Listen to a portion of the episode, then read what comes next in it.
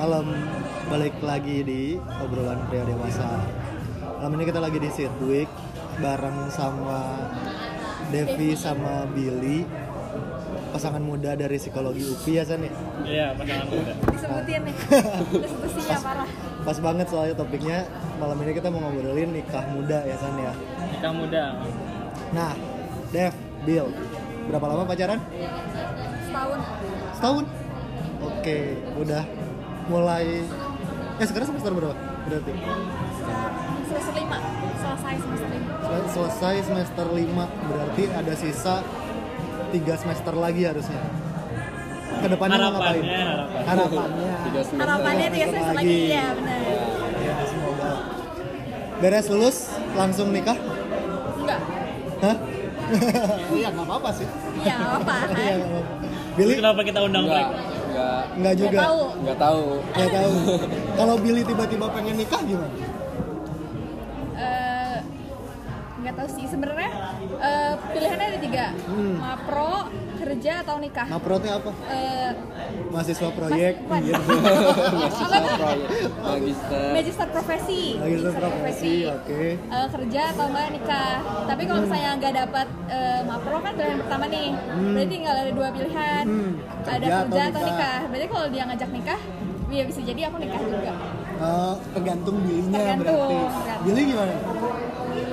Sebenarnya kalau eh, abis lulus kan pilihannya cuman kerja aja gitu. Enggak. Hmm, Mapro nggak ada nggak masuk akan, pilihan. Nggak akan ngelanjutin sekolah gitu. Ah, Cuman kan nikah bukan sekedar pengen doang gitu ya. nah, Ada faktor lain, hal lain kayak ya budget segala macam mungkin ya. nggak akan lulus langsung nikah juga nah, oke.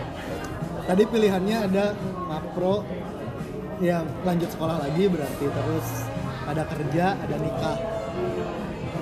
Anggaplah ya Mapro semoga dapat tapi kalau worst case skenario nya nggak dapat nih berarti kan kerja atau nikah. Gampangan kerja nyari kerja atau nyari pasangan. Aja pasangan udah ada tapi kan nggak tahu ya bisa nikah enggak.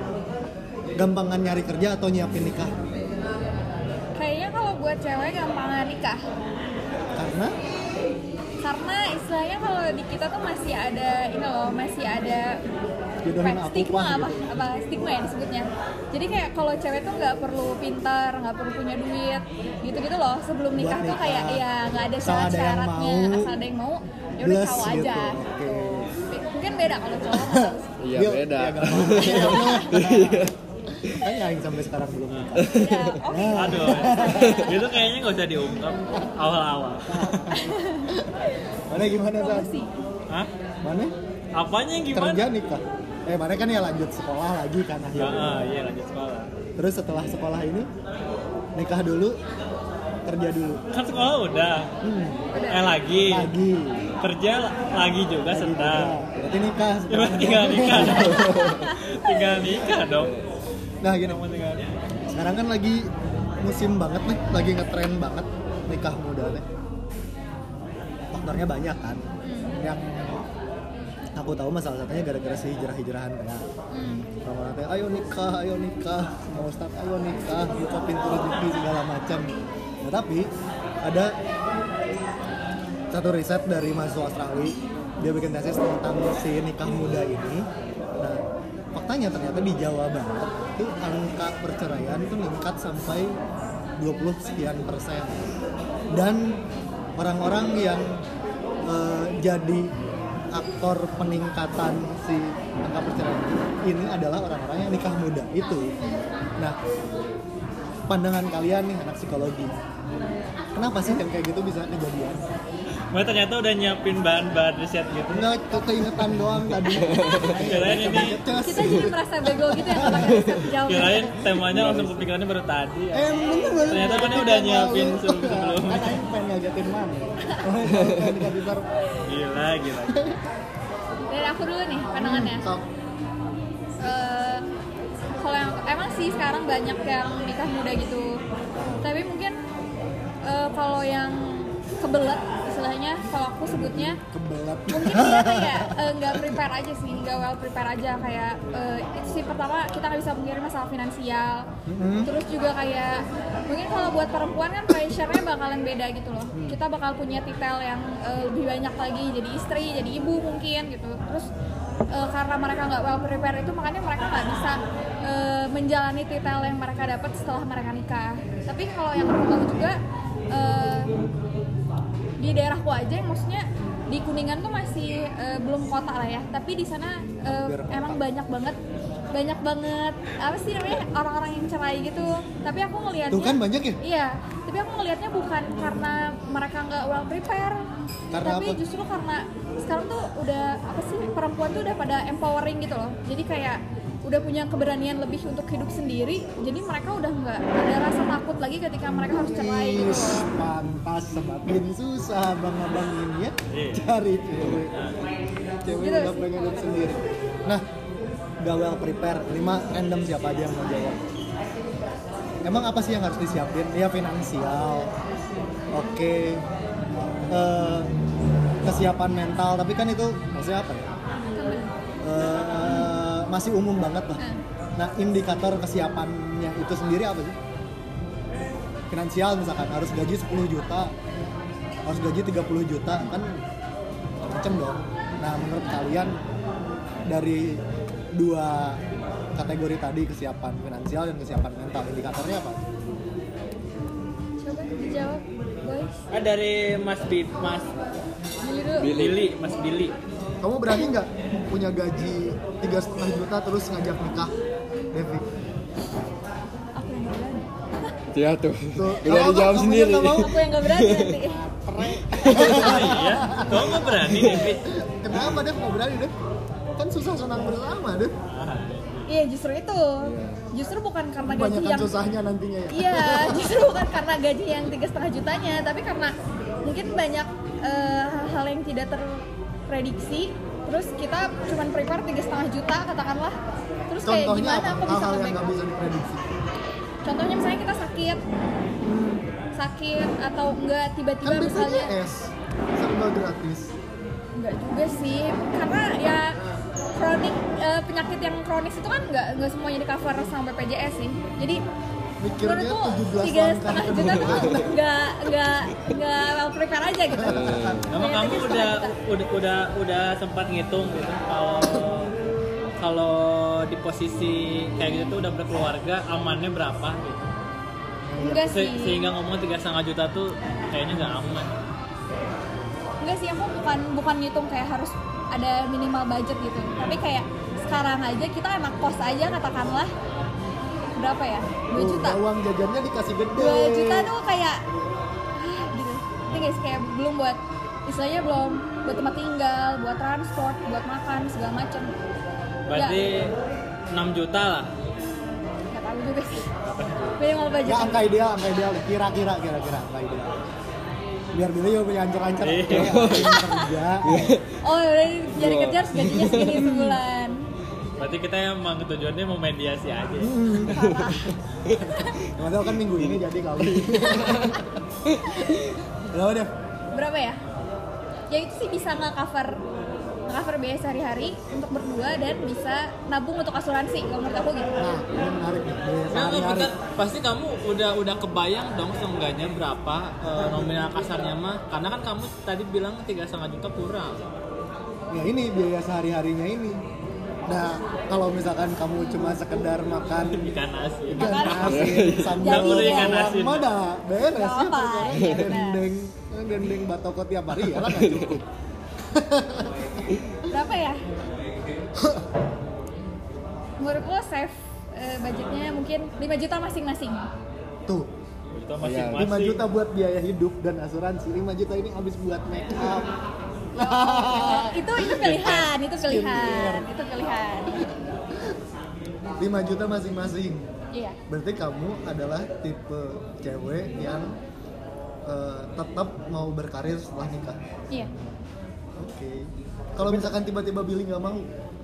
Ya nah berarti kamu di rumah aja urus aku. Ya udah jangan nikah sama Billy dong. Anjing, Bill sakit. Padahal padahal Billy udah bisa mampu ngasih 20 juta misal. Hmm. Tetap aja beda sih kalau menurutku karena aku doang kan ditanya. Oh, Billy boleh masuk kok. Iya. kalau aku Kalau nggak aku mau ikut perang Devi aku nggak mau. Kalau aku disuruh untuk nggak kerja. Karena? Karena eh, tetap beda aja sih. Terus kalau misalnya sesuatu terjadi sama suamiku nanti gitu terus aku nggak bisa nge cover kan kalau aku dari awalnya nggak kerja. Gitu. Suamiku. bukan dia belum tentu. Bill. Gitu. Kalau kamu gimana Bill? Ngerasa tiga setengah juta aman nggak? Dia di luar Devi Devi kan Oh. belum bilang juga belum Iya. tentu Billy Hmm. anggap Billy belum tentu Devi aman. nggak nggak tahu sih mungkin apa ya? Kurang sih kata Bilima gitu. Karena sendiri juga tiga setengah juta mungkin pas-pasan gitu. Pas-pasan uang bensin. Padahal biar 200 ribu udah bisa. dua ratus ribu udah enam bulan dia. Struggle habis dia. jadi berapa angka idealnya Bill berapa ya nggak nggak tahu ah, angka idealnya sih. Tapi ngitungnya kayak sehari-hari makan mungkin 50.000 ribu berdua mungkin. Iya nggak sih? Berarti 50.000 satu kalau setengah puluh ribu cuma setengah juta. Ya itu makan doang. Makan doang. Eh, belum. Diserang. Cewek kalau udah masalah hitung hitungan hitung hitungan ini teh ya jadinya. Terus bensin mungkin berapa? 50.000 ribu sehari enggak enggak enggak mungkin kamu seminggu eh, mungkin iya iya iya 50 ribu Padahal kalau pakai seminggu. mobil lima puluh ribu sehari ya kan Iya, macet. Nah, macet kan Iya, iya. macet Bandung terus terus tiga juta tuh 3 juta ini aja dia ngitung Coba ya dihitung dihitung ini. uang Berapa listrik lagi listrik? Listrik, Sebulan air, berapa? internet. Listrik, internet, BPJS terus apa lagi yang receh-receh parkir, parkir yang gitu-gitu dihitung nggak? Dihitung nggak? Jajan. susu anak kan Heeh. Nah, kan baru berdua baru berdua set Oh, baru berdua, baru berdua. Padahal katanya misalkan parkir dihitung kayak tiba saatnya pas akhir bulan teh aku mau beli ini terus jangan itu buat Jatah parkir parkir. ada tiga hari lagi parkir jadi amannya berapa 5 juta juga Bil Kayaknya.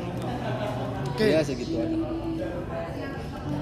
Maneh eh maneh kamu 5 juta sebulan kira-kira kamu bisa dapetin itu di umur berapa? Pendapatan 5 juta sebulan. Sekarang umur berapa sih? 20 20 mau 21. mau 21 Iya. kamu juga 20 mau 21 aku 19 mau 20 serius? Berarti kelahiran berapa sih? Hah? Kelahiran berapa? Aku 2000. 99 tapi Desember eh bulan ini ya ulang tahun. Di Januari 99. Ya kehitungnya beda 12 setahun. beda yang 12 89 bulan. aing 78 iya kan? Udah ngomongin masalah umur kan ya salah salah.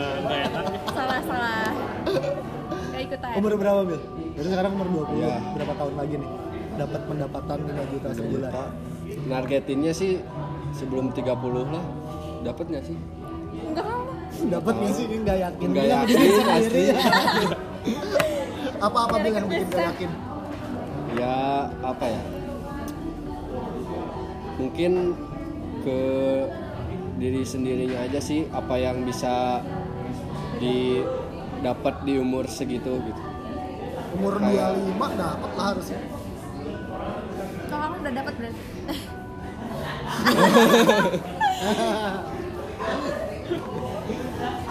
dua kenapa ya? Ketawa aku bener dong nanya Bener nanya. Mana, mana dasarnya bilang umur 25 dapat hasil itu dari mana sih?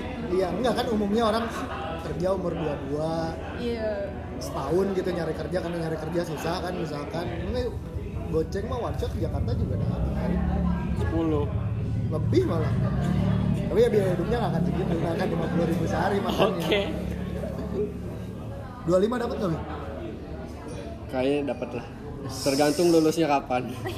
amit kok amit amit parah banget ya masa Iya, lulusnya iya. kan lama-lama Tuh, berarti dia udah mempertimbangkan kamu, men. Kamu lulus cepat mah.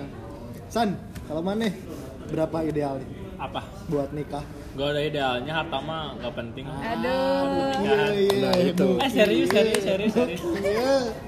serius. Kalau misalkan tadi dibilang eh, masalah kesiapan mental itu hal yang umum justru itu teh hal yang fundamental bagi orang ya. Maksudnya itu tuh hal yang umum mungkin eh, kekeliruan orang mempersepsikan itu kata orang mah.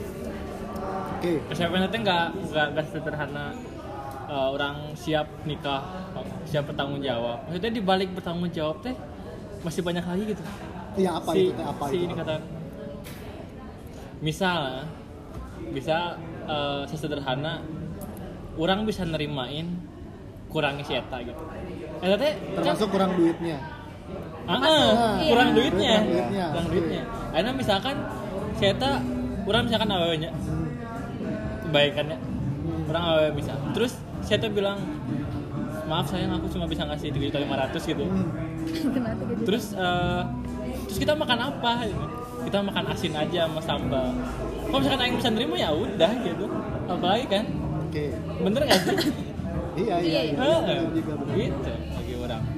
Nah, eh Aurora, eh, hal yang kayak gitu kan bisa didapat dengan menurut orang ya dengan proses yang panjang kan. bener bener Nah, nggak bisa langsung kenal dua hari terus udah gitu Hmm. mau nerimain apa pun kekurangannya si Eta Iya. bahkan mungkin Mane juga belum tahu kekurangan si Eta apa. Nah, tanggapan Mane ke orang-orang yang sorry itu saya ya, tapi kan sekarang maksudnya maraknya nikah muda itu gara-gara si hijrah-hijrah ini. Yang mana eh, apa metode yang mereka pilih untuk menuju ke jenjang pernikahan teh menurut saya taaruf lah. Mana mereka datang terus enggak ya bisa dianggap nggak punya cukup waktu saling kenal terus jalan aja tanggapan mana ke orang-orang jadi pelaku itu gimana? nah ini ini ini agak serius sedikit ya Pertanyaan kan? Mode dosen mode dosen. Mode dosen. Aing kan emang berkecimpung di dunia itu ya sekarang ya di dunia keluarga. Jadi eh, ada ada eh, pengaruhnya gitu kenapa orang masih yang agak takut gitu untuk eh, masuk ke dunia pernikahan. Maksudnya untuk untuk untuk menikah.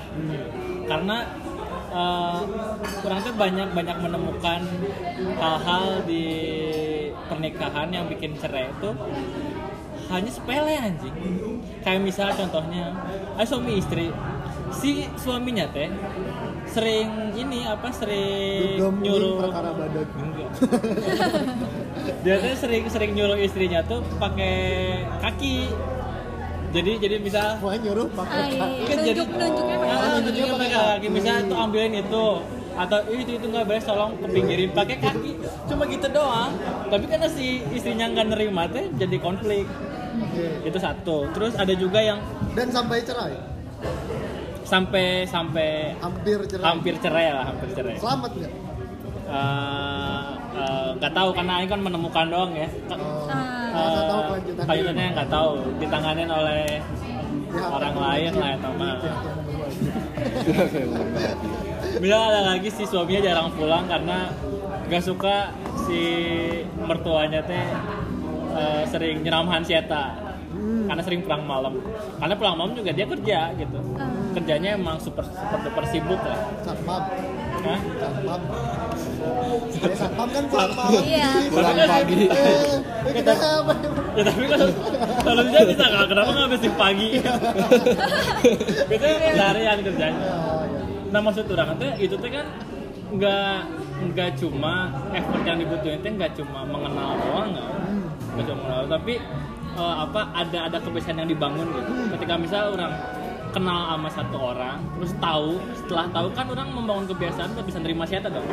Makanya kan butuh namanya eh, ya kayak pacaran dulu modalnya pacaran. Kan sebenarnya butuh gitu kan tahap seleksi apakah orang bisa nggak sih nerima kekurangan sieta pada akhirnya kalau misalkan udah udah udah bisa uh, nerima segala segala apa yang ada di dekat dia juga gitu entah itu orang tuanya lingkungan dan lain-lain baru memutuskan ke sana gitu.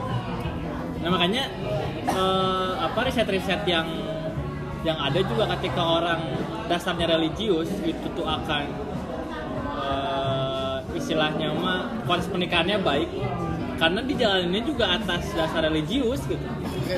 jadi misal ada konflik ah, ada penting mah Allah penting mah orang sholat penting mah mana sholat jadi dia kayak masalah masalahnya mungkin terberes tapi orang menganggap itu beres karena orang orientasinya agama Oke oke. nah maksud orang nggak apa-apa sih eta atas dasar agama lah atas pintu rezeki tapi bisa ngejalanin itu konsisten gitu sama Agamanya Nah, yang menarik.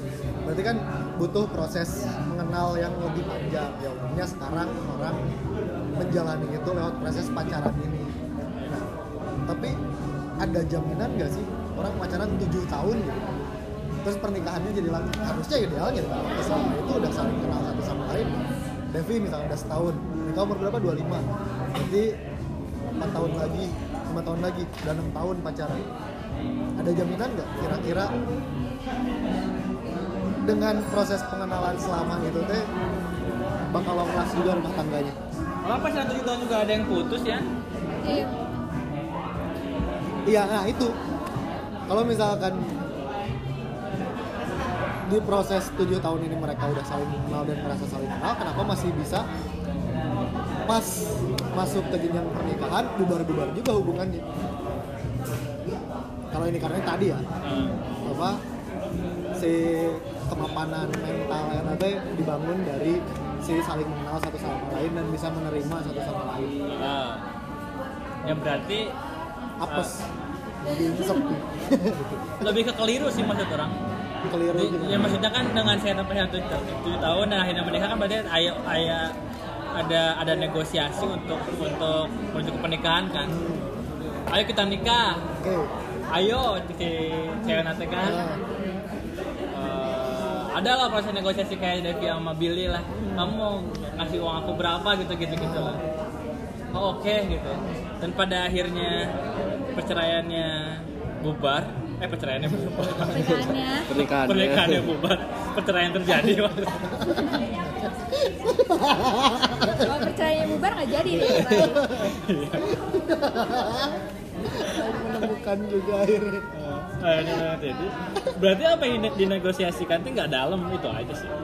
Dan yang dia dinegosiasikannya Ah, ah. nggak dalam. Oke. Dia dia nggak nggak nggak sesubstansial itu. Nah. Karena nggak nggak cuma ya mungkin kita tadi cuma bahas uang eh, hmm, seharusnya sih seharusnya ya harusnya lebih dari itu gitu kan. Nah itu. Lebih dari itunya tuh apa aja poin-poinnya ya Siapa tadi tahu yang nih besok pagi Aing punya pacar kan yang ini? Tahu gitu. Tahu. oh, Ya, tadi- siapa? ngapain, tadi yang yang yang orang ceritain karena kan pada apa pada pada intinya tuh si konflik mau itu rumah tangga eh, pacaran bahkan sampai temenan tuh ada yang tidak terungkapkan kan sebetulnya oke. Jadi juga misalkan mana pernah nggak sih ngejauhin orang gitu? Hmm. karena bau badan dan mana itu nggak pernah mengungkapkan itu gitu udah dijauhin bau mulut sih. Ya bau mulut lah. Tentunya eh, itu tuh eh, kadang-kadang orang eh, menganggapnya hal yang tidak usah diungkapkan gitu ya. cukup disikapi gitu. Dan ternyata sikapnya juga tidak tidak tepat gitu.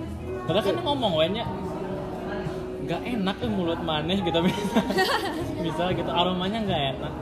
Bisa nggak emang diperbaiki gitu ya. Terus pada akhirnya Aing nggak bisa. Aing sering makan usus mentah gitu misalnya kan,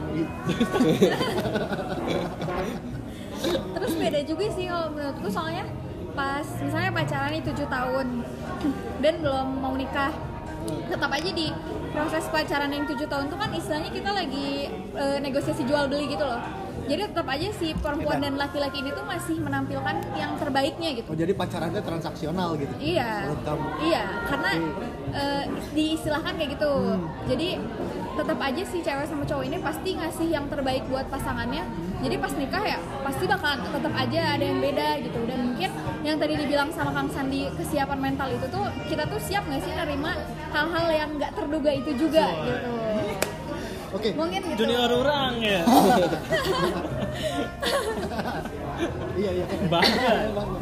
Nah eh, kalau ternyata eh, ya kebanyakan orang ya, kalau kita menyikapi pacaran tuh kayak gitu gitu. Maksudnya ya pada prosesnya kita juga masih eh, ngeluarin topeng kita gitu. Eh, apa yang pengen kita tunjukin ke eh, pasangan kita.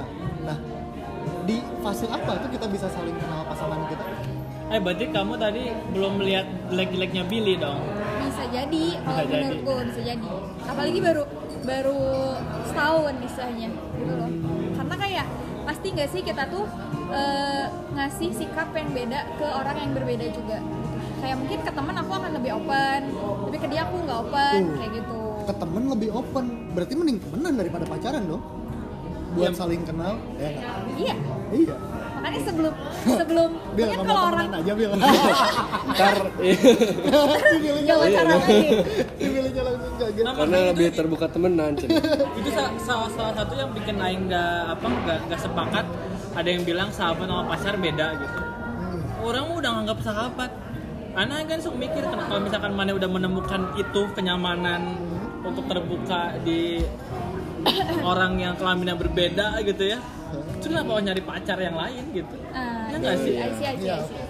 aneh banget aja kita maksud orang kenapa Kenapa ketawa Sat? ketawa? Ya, kok Kenapa jadi ketawa? mana mana oke nya kayak oke gua juga gitu Tam- termasuk orang tadi kalau misalkan pertanyaannya fase apa ya ada fase itu gitu fase orang berani untuk ngungkapin diri orang secara telanjang dan tanda kutip gitu. Dan akhirnya mensimulasi pasangan orang buat terbuka juga. Nah ini kita menegosiasikan di situ gitu. Bisa nggak terima nih? Kalau nggak bisa ya udah cukup sampai sini aja. Oke. Kayak terus. Jadi eh, maksudnya proses itu teh nggak terbatas di eh, Waktu. balutan status ya. Dan- dan- dan- Pacaran, Iya, iya. sahabat apa pun itu. Dan dan tidak berhubungan sama dimensi waktu. Satu hari pun gitu ya kalau misalkan konsep taruh misalnya ada proses ketemuan dulu kan. Kalau ketemuannya berkualitas sih yang pikir. Nah gimana caranya satu hari itu bisa jadi berkualitas? Nah itu maksudnya yang balik lagi ke yang tadi. Iya apa aja yang harus itu. cari tahu? Eh, guideline-nya karena gini kan eh, kelihatan juga sih maksudnya kelihatan kalau orang tuh masih nyembunyiin eh, eh, apa aibnya kurangnya gitu. Dan dan itu tuh menurut orang kembali lagi ke insting sih. Oke. Tetap ada faktor instingnya kalau insting kan emang dibawa sama pengalaman ya. Pengalaman yang mengenal orang pengalaman yang menilai cara orang berbicara itu juga berpengaruh Terus kan kalau jodoh katanya kita ketemu aja langsung klik gitu katanya. Jadi nggak ada sih menurutku guideline khusus harus tahu apa aja. Oh, makanya pernah Aing nanya ke junior orang di Septian tau nggak? 2012 Aing kan nanya tahu gimana coba. Iya. Aing kan nanya Sep nah mana nggak pernah eh nggak mau cari cewek? Nah, Aing takut kalau misalkan Aing cari cewek terus Aing jalan di tengah lagi Aing pacaran sama dia saya tahu kentut. Aing ketemu jodoh orang muncul muncul orang teh anjing di jalan motor posnya jodoh aing nggak sama orang jadi Iya. sih. pikirnya jauh tuh gitu nya. Teuing emang gelo. Berarti kan tadi bener emang ayam meren ya tetep klik. Klik. Nah. Ya berarti kalau kayak gitu selamanya si nikah teh gambling dong. Maksudnya gini. Klik teh kan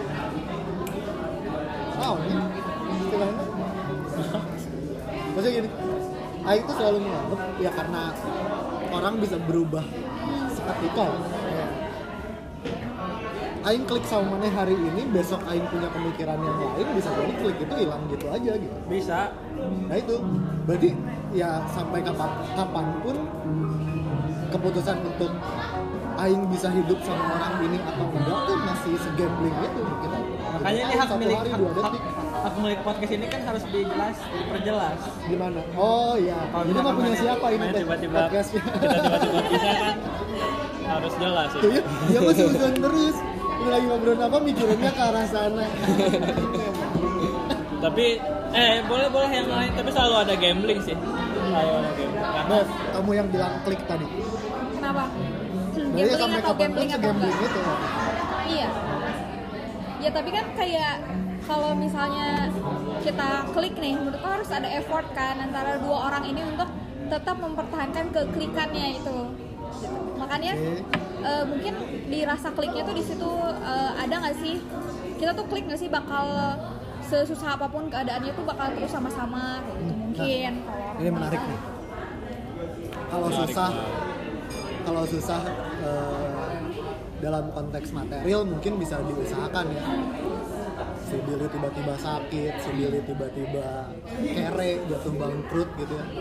Nah, eh, kalau perubahan yang ada di pasangan kalian masing-masing sifatnya ideologis gimana? Contoh tiba-tiba, Billy tiba-tiba hijrah nih, Hmm.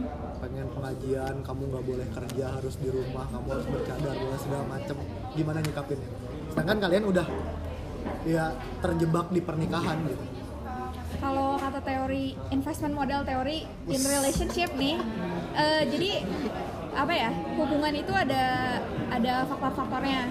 Kayak seberapa banyak sih kita menginvesti, eh, menginvestasikan diri kita di hubungan itu? Ya di antaranya itu kayak materi waktu anak aset kayak gitu-gitu. Jadi mungkin eh, banyak bahkan yang itu jangan kan ideologi ya. Itu kan kayak istilahnya tidak menyakiti apa pun di pihak aku gitu. Misalnya kalau eh, dia berubah kayak gitu. Misalnya kayak KDRT lah katakan. Nah tetap banyak kan sebenarnya eh, yang jadi korban KDRT tapi tidak memutuskan untuk berpisah gitu. Nah itu tuh kalau kata teori investment ini karena dia punya investasi di eh, faktor yang lain. Jadi dia nggak mau asetnya hilang katakan gitu. Atau dia udah punya anak. Atau dia merasa sayang aja waktu yang udah dihabiskan bertahun-tahun lalu gitu nah kalau kamu sendiri gimana? Kalau ada perubahan itu di pasangan kamu? Nggak tahu sih. Karena aku belum tahu kan mana faktor yang lebih besar mempengaruhi aku. kira-kira kira-kira kira-kira dengan diri kamu yang sekarang? Kalau aku yang sekarang mungkin cabut aja. Cabut? Cabut. Meskipun udah punya anak enam. Meskipun. Oke.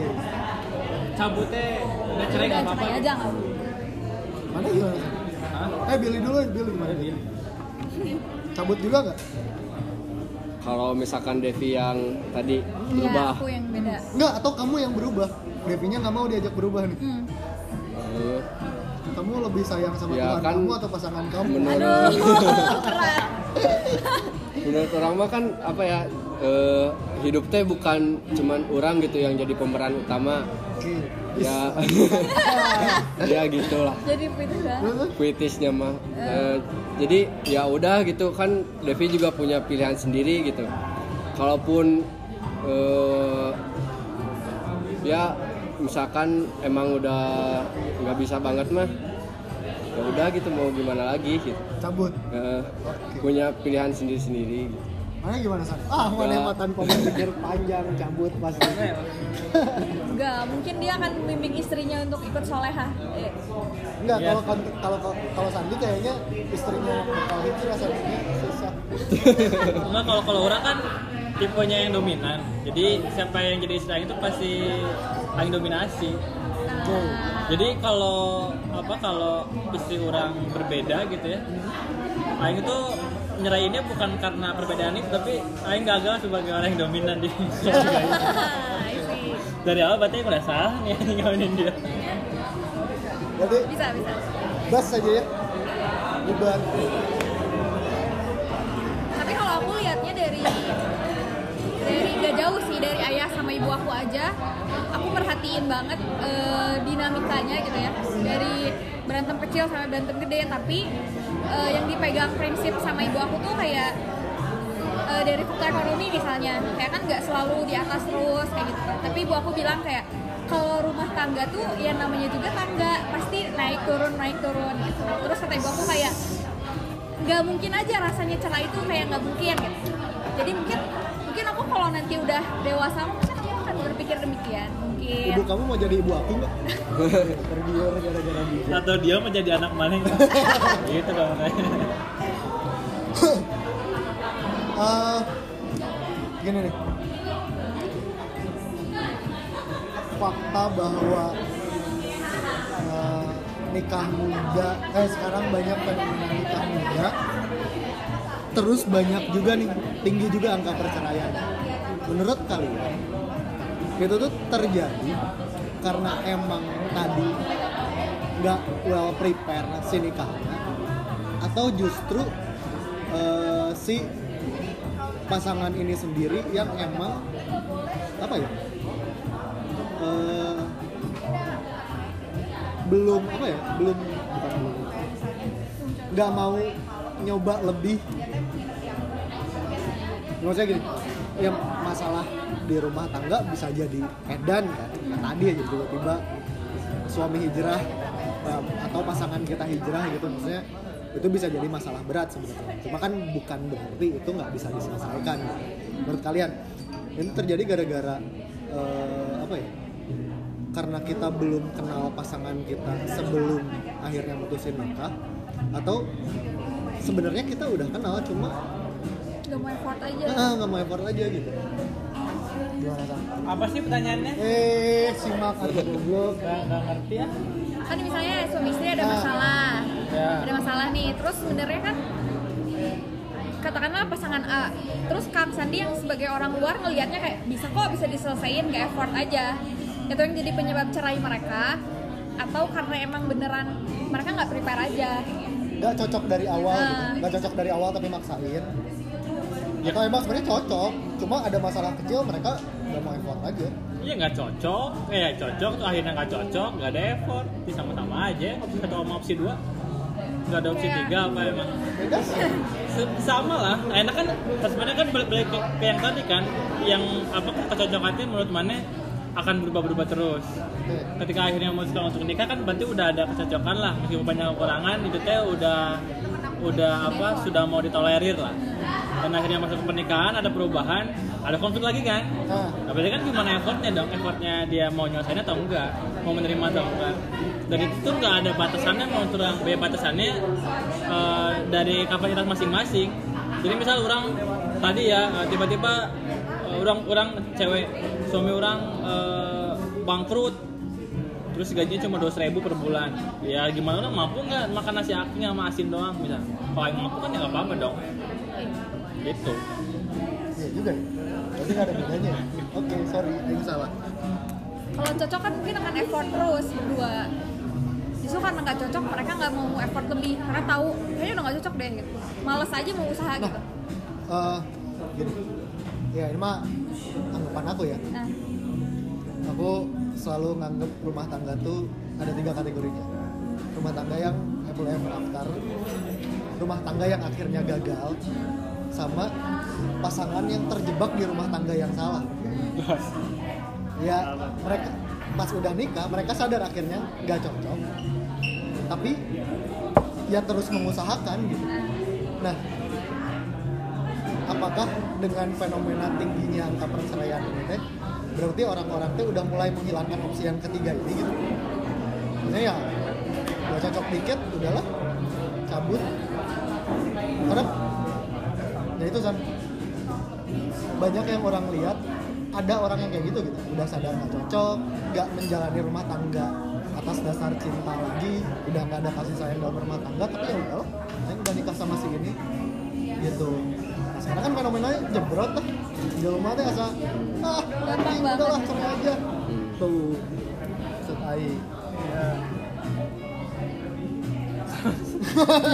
terus? Ya jadi Nggak, maksudnya apa? pertanyaannya- pertanyaannya- Enggak, maksudnya berarti kan ya pasangan-pasangan terdahulu nih. Ya berarti kan mau ngambil resiko itu gitu. Kan mereka ngerasa mereka nggak cocok rumah tangganya udah nggak harmonis tapi ya mereka tetap jalan. Nah kenapa sekarang akhirnya jadi bergeser gitu sih? Pasangan-pasangan yang sekarang teh justru milih udah kalau nggak cocok udah lah. Cabut aja. Nggak nggak lagi nge- mau ngambil resiko terjebak di rumah tangga yang salah kenapa bisa kejadian kayak gitu Cing, pertanyaan mana sulit? Karena itu juga sempat apa ya sempat eh, bingung ya. Itu kan kalau kalau di desa lah, apa ya, daerah pedesaan itu kan sebetulnya masih kentara eh, apa value-value yang ya nikah cepat, nikah mah bakal membuka pintu rezeki dan lain-lain. Kalau misalkan dulu mah kan maksudnya berjalan dengan lancar ya, nah. Yang pakai terpelihara juga sampai sekarang ya.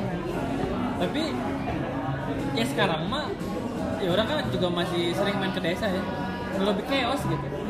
Chaosnya dalam arti? Ya maksudnya deng- dengan nikah cepetnya bukannya oh mungkin kayak mungkin ini ya mungkin tadi deh kayaknya kembali lagi ke premis yang tadi. Kalau misalkan memang dasarnya religius berarti nantinya pun ketika menjalankan pernikahan orientasinya harus konsisten sama religi gitu. apa pun masalahnya apa pun konfliknya kembali ke dasar itu. Mungkin ka- sekarang tuh karena desa tuh kan nggak lagi apa ya? Nggak nggak lagi suci lah gitu. Banyak terpapar oleh hal-hal lain. Kayaknya emang kepercayaan yang terlalu gitu teh udah udah terkikis menurut orang ya. karena karena sama juga sama juga kayak di kota sebetulnya masalahnya selingkuh lagi cowok yang nggak puas sama istrinya. Kayak gitu terus eh, apa eh, ceweknya yang minta apa namanya eh, penghidupan yang lebih gitu. Menurut orang harusnya kan di desa mah kan biasanya dari tanah hidupnya dari tanah itu petani gitu kan? Nah itu nah nama udah menurut orang justru malah udah nggak gini kalau cuma kalau faktornya religius dan gak jadi religius eh, religius religius dan gak religius teh gak mencaratkan desa dan kota gitu Hmm. mungkin gak, gak, gak, gak kota lebih eh desa lebih religius daripada kota ya gak sih? Iya iya. Itu nggak bisa dijustifikasi kan ah, ah, ah, tapi kayak sekarang tuh mungkin lebih ke kalau di desa kan pada deket-deket gitu. Kalau kita mau nge-compare desa sama kota gitu lebih orang-orang itu lebih pada deket. Terus kalau dulu tuh jadi janda atau cerai itu jadi bahan pergunjingan orang. Tapi kalau zaman sekarang tuh udah enggak gitu. Meskipun di desa. Jadi enggak enggak terpaku sama religius atau enggak tapi ini jadi bahan pergunjingan gak sih buat orang-orang gitu? Tapi kalau sekarang kan kayak ya udah jadi janda ya ya udah nggak apa gitu mungkin itu sih yang bikin orang-orang lebih berani buat cerai. Eh, bisa bisa di track lah Yan. Sekarang mana dari dari teknologi pendidikan aja. Lebih banyak sekolah di desa atau di kota? Di kota kan. Dan eh, literatur paling besar pasti dari barat dong. Iya. semakin tinggi pendidikannya pasti semakin membelot dong. Nah itu justru. Maksudnya religius adalah menurut orang ya Justru balutan Bukan balutan utamanya gitu. Mungkin gak sih kalau core-nya gara-gara pergeseran Dulu nih Corak ekonomi di desa teh Corak ekonomi pertanian gitu Akhirnya nikah cepet, banyak anak, banyak rezeki, konsep-konsep itu value Oh, iya, iya, itu iya. tuh dipakai gitu. Nah sekarang desanya juga udah nggak lagi corak ekonomi di desa udah nggak lagi ya udah bukan pertanian lagi gitu orang-orang desa sekarang ekspektasinya sekolah sampai SMA lulus kerja di pabrik gitu. udah masuk ke ranah industrial gitu. Yang mana di corak ekonomi industri mah kan nikah cepat banyak anak tuh malah jadi beban dong. Ya kan? Nah mungkin gak sih pergeserannya tuh terjadi justru karena itu gitu. Bukan karena si religi Iya. Jadi ada ada ada kegagalan tafsir eh, budaya. Jadi sebetulnya dulu tuh ya emang ada balutan religinya, tapi sebetulnya kan dari corak ekonominya juga kan eh, masyarakat agrikultur kan beternak eh, apa per- pertanian. Jadi emang banyak anak teh banyak Ya, pekerja banyak kerja. banyak pekerja panen semakin banyak gitu nah sekarang udah ada pergeseran eh, cara orang untuk eh, apa mempertahankan hidupnya gitu ya, cara ekonominya. Tapi culture-nya masih dipelihara. Nyata nya eta. Maksud orang kekeliruan eta. Harusnya sih udah udah nggak dipakai lagi sih nya lah aing juga nggak pernah sepakat yang namanya nikah muda. Langsung ke kesimpulan udah gak muda lagi. Jadi emosional mana nggak sepakat? Karena karena emang dari awal nggak sepakat atau karena udah men- menginjak Tidak muda usia lagi. tua terus belum dari awal dari menikah. awal. Aing aing udah udah, pernah ngomong gini belum ya di podcast? Soalnya aing sering ngomong gini maksudnya kita ada di perspektif pendidikan aja lah. Ya kamu eh, di di UPI sekarang ada ada sekolah keluarga ya? Nah, kan pendidikan utamanya yang paling dasarnya ada di keluarga kan? Karena eh, sosialisasi anak eh, individu teh mempelajari bagaimana cara sosial bagaimana caranya sosialisasi berinteraksi mengambil sikap teh kan dari keluarga. Kan oh bapak ibunya gini misalnya. oh berarti orang kudu kudu nah, akhirnya kan eh, ketika SD SMP SMA itu teh ibarat eh, penyisaan lah sisa. Karena golden age juga kan cuma sampai umur lima tahun kan. Nah terus anggaplah heeh, ayeuna eh, nikah muda secara emosional si emosional dan fisik mal. Eh, sebetulnya dari fisik juga cewek itu kan di umur 24 sampai 23 24 sampai 32-an lah. Masih bagus kalau mengandung. Cara emosional juga udah matang lah. Akhirnya dari awal guys tematang emosional ngadidik anak tuh balik. Anaknya jadi bangon asup SD beki bangot. SMA pakai ganja misalnya narkoba. Asup kuliah lulusnya lila. Kerja nyogok nyogok. Asup politik akhirnya korupsi nah koruptor. Teh gara-gara eta nikah muda kesimpulannya tapi terlalu eh, ini enggak sih? Terlalu apa namanya? Apa istilahnya? Terlalu gegabah nggak sih? Mana me- mematok kematangan emosional teh dari segi usia iya polanya bisa didapat tapi kan enggak. Maksudnya kematangan emosional menurut orang pribadi mah enggak seini sama enggak enggak berjalan seiring dengan jalannya usia. Karena perkembangan tuh kan sebetulnya eh,